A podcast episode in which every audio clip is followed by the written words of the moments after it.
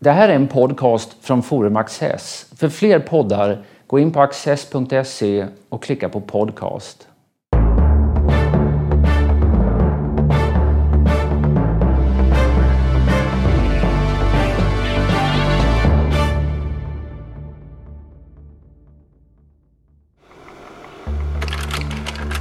Hur vinner man kunskap om en gestalt från antiken? Alexander, den store världserövraren från Makedonien som utsträckte sitt rike över mindre Asien, Persien och ända bort till floden Indus i Indien och på så vis gav spridning åt grekiska språket och grekisk kultur. Hur var han som människa och vad kan vi med säkerhet veta om det? En uppsjö biografier skrevs redan under antiken. Åtskilliga av dem är förlorade eller bevarade endast i fragment. Somligt ter sig vederhäftigt, annat mytologiserande. För de två viktigaste, kompletta levnadsteckningarna svarar Plutarkos och Arianos. Varför är de tillförlitliga?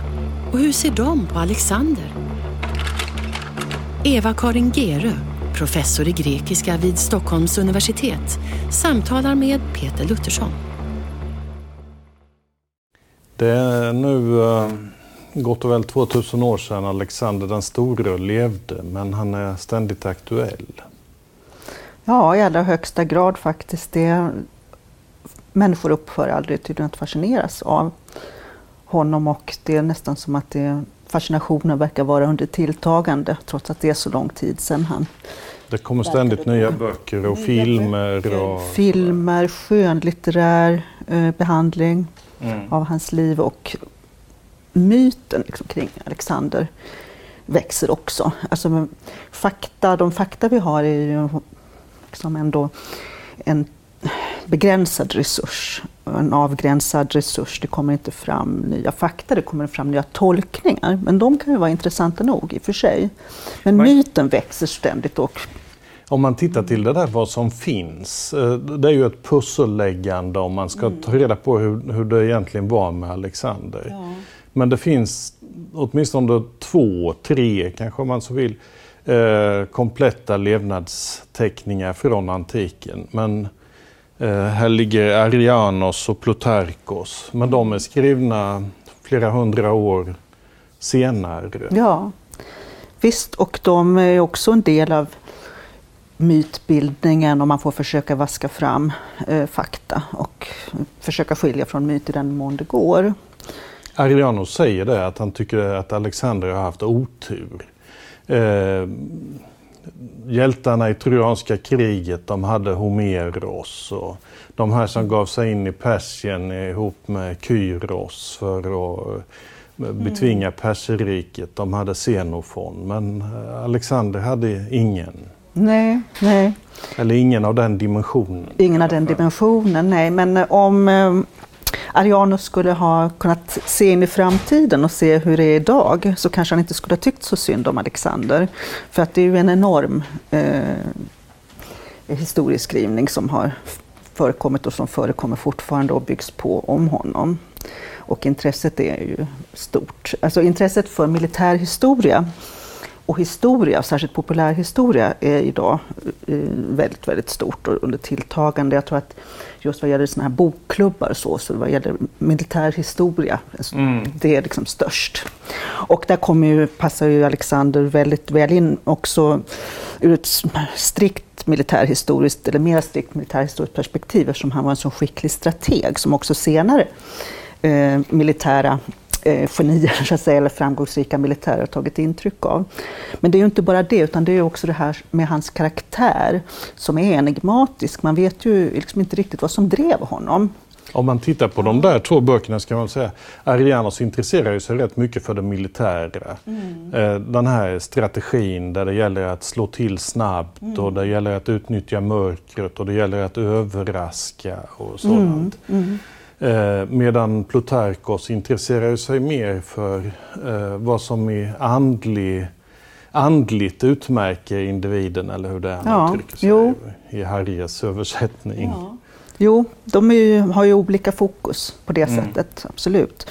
Men om man försöker kombinera ihop det här då, de två perspektiven, så kan man ju få i alla fall väsentliga pusselbitar eh, i det här Alexander-pusslet mm. helt enkelt. Och sen är det ju tyvärr så att det är ju liksom fragmentarisk kunskap som vi får som vad gäller egentligen mer eller mindre allt som rör en så pass svunnen tid.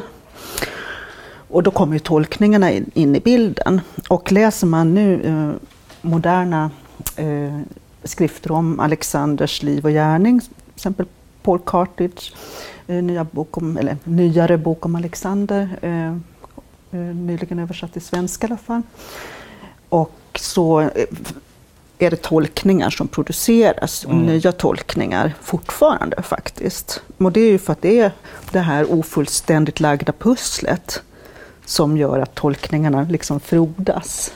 Men, det, det, blir en, en intresseväckande sak i sig. Okay, en ny tolkning. Eh, är den sann? Mm. Eh, och just Cartledge då, i sin bok om Alexander, han, han eh, är helt öppen med att eh, det finns så mycket gåtor kring Alexander. Men många människor är ju fascinerade av gåtor. Om man, det... om man börjar titta på det där så kan man säga att, att um det skrevs ju om Alexander eh, redan av hans samtida. Kallistenes skrev mm, ja. och Ptolemaios skrev mm. och Niarkos skrev och så. Men mm. det, det, där finns kvar bara i fragment mm. eller inte alls mm. och så.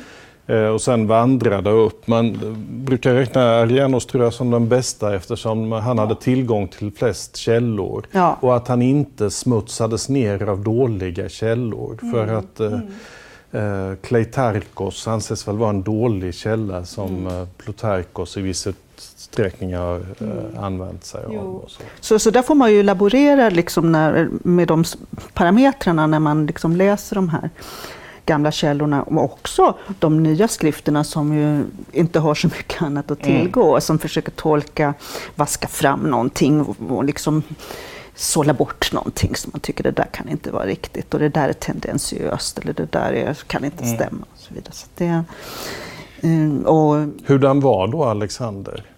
Ja, alltså jag uh, menar att han, uh, och jag är inte ensam om den uppfattningen, att han var en, en ny Akilles och ville vara en ny Akilles. Det är, egentligen, mm. det är ett känt faktum att han var fascinerad av Homeros stora hjälte från Iliaden. Och, eh, och jag tror att det är en viktig nyckel till till att förstå Alexanders karaktär. Alltså Achilles är min personliga absoluta favorit i litteraturen överhuvudtaget skulle jag säga. och eh, eh, inte alla som håller med mig om det, men eh, mycket självutbrännande, eh, självförbrännande person som... Eh, men kanske att Alexander höll med om det, för att han lär ju ha läst eh, Iliaden tidigt och uppfattat ja. den delvis som en handledning i krigskonst. Mm. Mm. Och när han eh, Eh, hade besegrat Dareios och la beslag på ett eh, oerhört vackert skrin som det då uppstod någon diskussion eh, mm. vad, man, vad detta skrin skulle användas till. Så bestämde ju Alexander att där skulle han förvara sitt exemplar av Iliaden. Ja, just det. Mm, ja. Det säger ju en hel del. Och man kan ju fråga sig då, apropå din fråga då här med eh, vem var Alexander och hur var han och så, vad drev honom också? Och det har man ju spekulerat och spekulerar fortfarande i. Vad, vad var det egentligen som, som drev honom till allt detta som ju ändå var jättelika erövringsprojekt som var ju jätte, otroligt farliga för honom själv personligen. Han blev sårad många gånger. Ja, och så i likhet med Achilles då så valde han ju inte sin personliga säkerhet och lycka och individuella lycka och sådär, utan någonting annat, någonting stort, mm. farligt. Varför då? Och där måste man ju då sätta in honom i den, his den historiska kontexten, med en, en makedonsk prins. Eh, som kanske också gärna vill, eller var tvungen att överglänsa sin far Filip då som var mycket framgångsrik eh, eh, krigsförare och erövrare. Och, eh, av olika skäl att det här, det här var helt enkelt det som han kanske förväntades göra och de krav han ställde på sig själv att han skulle göra det här. Och inte sky några medel egentligen. Mm. Det är det att han, han får ju aldrig nog heller. Nej. Alltså, han, han är 18 år gammal när han går ut på sitt Mm. stora asiatiska fälttåg och sen håller han på med det tills, eh, tills han dör och då är han 33 år gammal. Mm. Han får aldrig nog helt enkelt. Och han har ju då ändå vänt på en punkt när han kommer, när han är vid Indus och där och han vill ju fortsätta österut men eh, han får inte sitt manskap Nej, med sig helt nej. enkelt längre. Nej. Och det är ju det att hela, hela, det finns ju en utveckling där också i den här så att säga, karriären. Eh, både den liksom, personlighetsutvecklingen, det krigiska och det är också med det här som ofta lyfts fram, Alexanders kontakter med perserriket och den persiska kulturens påverkan på honom. Och jag tar som ett, kon- ett konkret exempel på det att han ville att hans eh, eh mannar skulle då hälsa honom på persiskt vis genom proskynes, det vill säga kasta sig på marken och hälsa honom som en persisk kung. Då. Och, eh, det här kan man ju spinna vidare på väldigt mycket. Det har också gjorts litterärt. Att han där- blev mer och mer persisk. Liksom. Det där en, en som drabbas av det är ju Kallistenes, alltså en systerson till Aristoteles som hade varit Alexanders lärare. Som, som eh, protesterar emot att man skulle behöva hälsa på honom på det sättet. Han säger, ska grekerna, det friaste folk som finns, ska de bära sig åt så? Det går ju inte. Nej, helt då- oförenligt egentligen med eh, grekisk... blir han dödad av, av Alexander. Nu, nu kan man ju säga att ehm, Plutarkos försöker vända det där till något bra. Delvis. Han säger då att jo, men Alexander var, han var mild emot de erövrade folken. Han ville få dem att eh, eh, jag vet att han inte alltid var mild. men men Pluta- eh, På vissa säger det. sätt. han, var, han var mild. Det, det är det där att han tog hand om Dareios familj och att han fick begravas under alla hedersbetygelser. Och, eh, att han kunde straffa våldtäktsmän. Eh, var det som om de vore vilddjur så avrättade de helt enkelt. Men eh, då säger han att detta att han, att han lägger sig till med österländsk klädedräkt och att han vill bli hälsad genom eh, knäfall. Det var bara ett sätt att eh, inte försöka pracka på perserna någonting annat utan han ville visa sig tolerant emot perserna och ta upp deras seder. Och så. Så han får ju beröm för det alltså i, i senare litteratur, eh, alltså modern litteratur om honom, att han, han just var sådär liksom tillåtande och öppen f- för ny, för ny kultur som han kom i kontakt med. Och på det sättet att han ändå var på väg att bli en, en ganska, och delvis redan var en ganska bra härskare för ett stort rike, stor, stora landområden och väldigt annorlunda kulturellt sett helt enkelt. Och att det är någonting man kanske bör se ganska positivt på. Samtidigt, exemplet med Kallistenes visar ju att han var, han var inte öppen för att ta emot kritik. Och det, fram- framförallt de här som hade varit honom nära länge och tillhörde en inre krets kring honom kunde ju det vara ganska Eh, vad ska jag säga, ja dels farligt. Eh, Kleitos dog också när han tog upp det där att han hade gått över till andra österländska seder och så, eller blev dödad. Eh, under något, eh, när man dricker för mycket och det blir eh, en s- upprörd scen. Ehm, så att på det, vad gäller den kritik av sina egen, sin egen hållning, där verkar han ju vara relativt sluten. Ändå. Mm. kommer man ju in på det här med karaktären igen då. Eh, Det här eh, kanske omåttliga, det här med dryckesvanorna till exempel.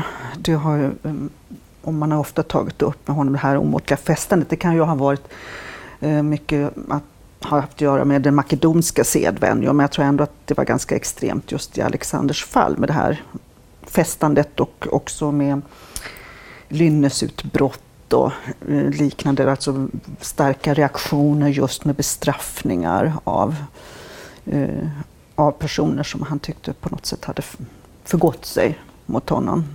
Han verkar ha haft, eller fått efterhand i alla fall, svårt med självbehärskning. Ja, Mm. Och, och Arianos hänvisar till de här eh, österlänningarnas eh, sätt att behandla honom underdånigt som gjorde att uh, han uh, mm. jag blev van vid att bli behandlad underdånigt och, och mm. skedde inte det så, så tappade han humöret helt mm. enkelt. Det mm. påminner lite om Kurtz i Josef Conrads Heart of Darkness. Att, mm.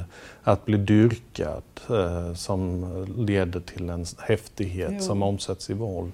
Jag menar just en, en sån maktposition överhuvudtaget. Man tänker också på vissa romerska kejsare som Nero eller Caligula, eller hur som mm. också mm. kunde då tillåta sig en enorma excesser just genom att ha den position som de hade och som liksom till slut att man ja, kan, tycker att man kan göra, eller kanske till och med verkligen kan göra nästan precis vad man, vad man vill. Mm. Det, till exempel när den här, en, honom mycket närstående Hephaistion dör mm. Mm. så blir han ju väldigt upprörd över det och det låter han ju gå ut över en rad andra personer. Till exempel mm. den läkare som har behandlat honom ja, äh, låter han avrätta helt ja. enkelt mm. därför att han inte botade honom. Mm. Där är också likhet igen med Achilles och eh, det Iliaden framställda då, eller antydda relationen till eh, Patroklos. Mm. Eh, så där är också Achilles eh, vrede blossar upp någonting så enormt när Patroklos blir dödad av Hektor. Så att det är ju också en sån här eh, Ja, som leder till sånt där likskändningen av Hektor. Ja, just, så, som exakt. gör ett sånt där eh, mm. eh, obehagligt eh, lynnesdrag. Ja, jag en sån här verkligen eh, excessiv vrede. Som liksom, den, det är en vrede som liksom är större än personen som liksom nästan inte går att beskriva. Så att det, och det verkar finnas en likhet där igen då med, med hos Alexander. Och sen också det här eh, förmodligen hom homoerotiska relationen mellan honom och Hephaistion. Liksom mm. Man får också ändå får anta att Achilles och Patroklos eh, var det stora kärleksparet i Iliaden. Och detta var så att säga någonting som finns i tiden också? Ja. Men det berörs ju ganska... Ja, det sägs ju i och för sig öppet eller talas om eh, att någon är älskare till någon annan mm. i de här mm. eh, biografierna. Men, men det är ändå inget framträdande. Nej, det var ju så vanligt. Man har ju sagt då om eh, makedonierna då, ändå, vilka Alexander ju var en då, att de hade lite andra seder och bruk vad gällde eh, erotiska relationer och manifestationer av sådana eh, än grekerna. Mm. Så att, eh, att eh, makedonierna hade inte samma krav på dekorum så att de kunde i det offentliga eh, visa med handlingar att de, man hade en relation till någon till någon man, alltså mm. en man till en annan man och så. Så då um, finns en anekdot om att Alexander skulle ha kysst uh, den persiska nucken Bagoas som han så att säga, ärvde efter Dareios då, mm. uh, offentligen och det tyckte grekerna var upprörande. Så att, Gå över gränsen. Ja, alltså man, att man hade sådana relationer, det var inte upprörande, men hur man mm. demonstrerade dem eller inte demonstrerade dem, det, där fanns det liksom lite olikheter som det verkar mellan de här två ändå närliggande kulturerna. För det, det, det, här med vad ska jag säga, toleransen för att kunna härska över andra riken. Där kan han ju annars eh, använda relationen mellan män och kvinnor mm. till att skapa närhet. Ja. Det här mm. stora bröllopet i Sosa 324 mm. jag till exempel. På det. Mm. För att legitimera också då barn alltså som hade tillkommit i de här relationerna mellan Just det, men det som sker är ju att eh, 10 000 uh, soldater ur hans mm. armé gifter sig med asiatiska kvinnor. Mm. Och han själv också. Mm. mm. Man får ju också tänka sig att han vill liksom se då sitt rike här, sitt, det nya stora riket som en slags smältdegel. Att han ville förena också uh, grupper av människor mm. och, och skapa någonting nytt. Det får man nog ändå lova till. Men det är hans trick redan ifrån början. För att innan, innan eh, han inledde sitt, blev kung och inledde sitt stora fälttåg så har han ju varit inblandad i några sådana här straffexpeditioner mot, eh, mm. mot underordnade folk. Mm. Och då, då döper han om eh, med ett av de här folken, jag kommer inte ihåg vad de hette ens, en, en stad, eller deras huvudstad, till Alexandropolis. Och sen ser han till att den får en blandad befolkning. Ja, jo, och hela tiden den där blandad inne på befolkning den. verkar ju vara ett trick som han hela tiden försöker mm. komma åt. Och anlägger städer gör han ju i mycket stor skala mm. dessutom. Mm. Jo, så att jag menar det finns ju definitivt ett väldigt medvetet tänkande, ett strategiskt tänkande, dynamiskt och dynastiskt tänkande hos honom som man ju inte riktigt känner till. Det var ju igen det här, vad drev honom egentligen och vad ville han? Och det, det, det är ju fortfarande någonting man spekulerar kring. Men det, det, är ju helt klart att det liksom inte var liksom på måfå här och man, någon, så, han byter inriktning. Han verkar ju ha haft en, en, en klar linje och en väldigt, en väldigt stor vision om vad han ville göra. I slutet av hans liv finns det väl ganska många planer på stora projekt ja. också. Jag vet det finns en skulptör som förekommer där som säger att uh, han ska bygga om hela berget Athos till en uh, skulptur av Alexander. Mm. Där är de där amerikanska fyra presidenterna i lä ja, ja, verkligen. Och då skulle, då skulle Alexander på den här skulpturen på berget Athos i sin vänstra hand ha en stad med 10 000 invånare och med den högra skulle han styra om ett vattenfall så att det bytte riktning. Mm. Så. Mm.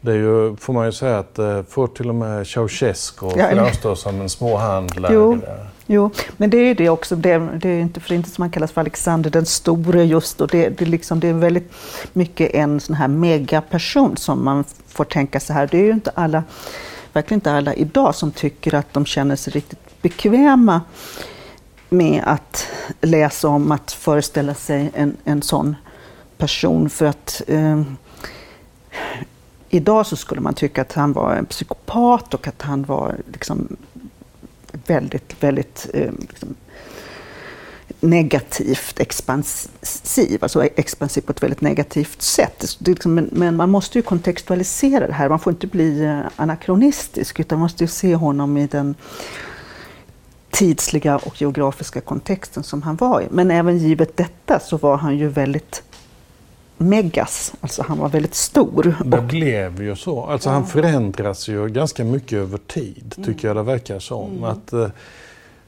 Ifrån början när herren har besegrat eh, perserna och sådär så reagerar han själv emot dem som eh, för mycket lägger sig till med lyxbegär ja. och sådär. Som, mm.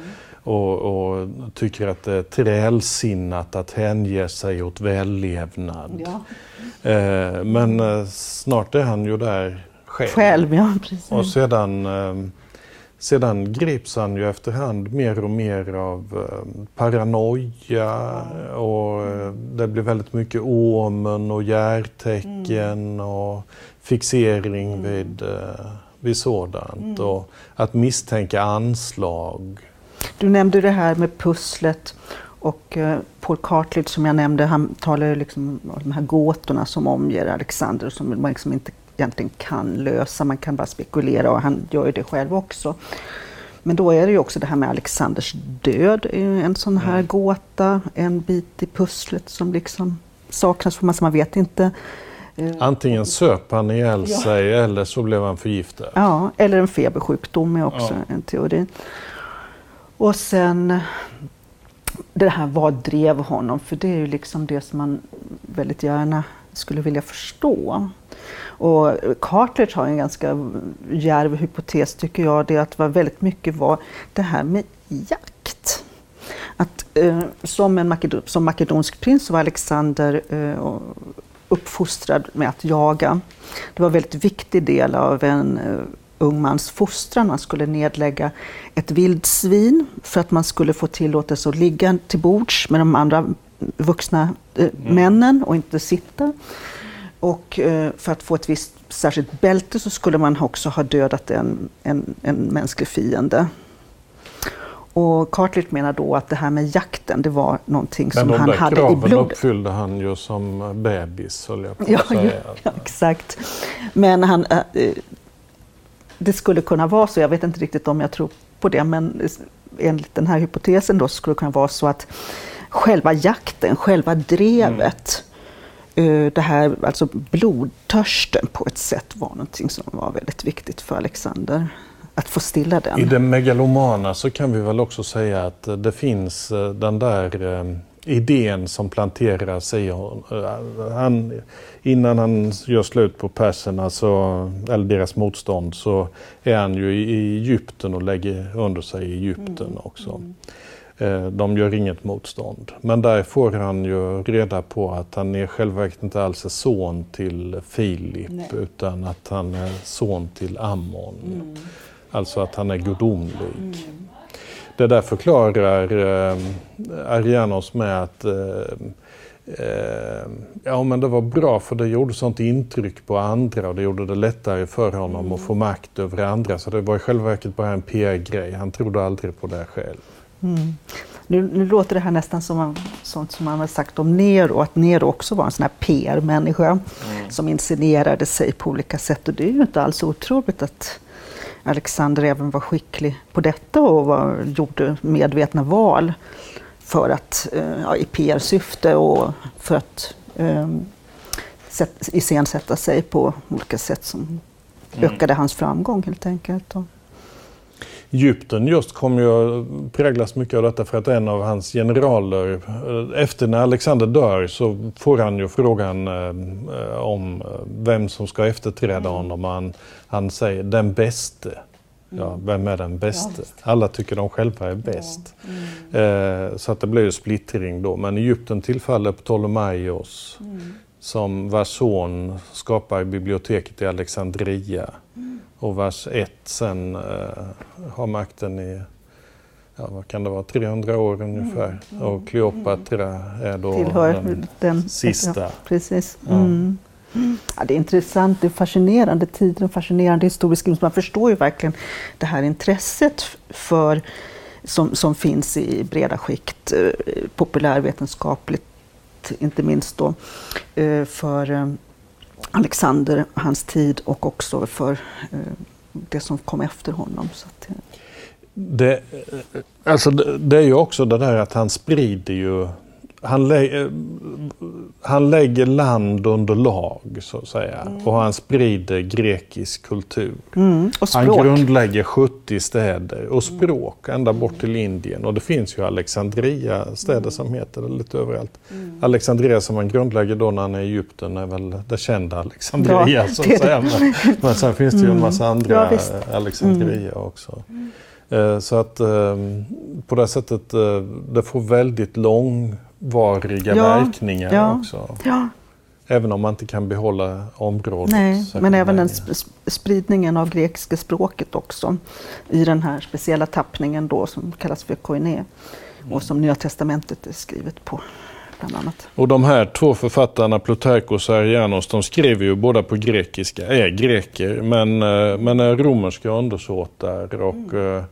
Båda blir eh, konsuler. Eh, Arianos lever ju i stort sett under de här fem goda kejsarna och Plutarkos eh, till viss del under det också. Det skiljer 40 år mm. i ålder mellan dem ungefär. Mm. De lever ungefär lika länge mm. båda två. Mm. och de rör ju sig på grekiska i, I Italien också, ja. i Rom mm. också. Mm. Därför att de bildade talar grekiska mm. helt enkelt. Det är de här kejsartidsförfattarna som vi pratar om, då, de mm. grekiska kejsartidsförfattarna. Tack så mycket. Tack.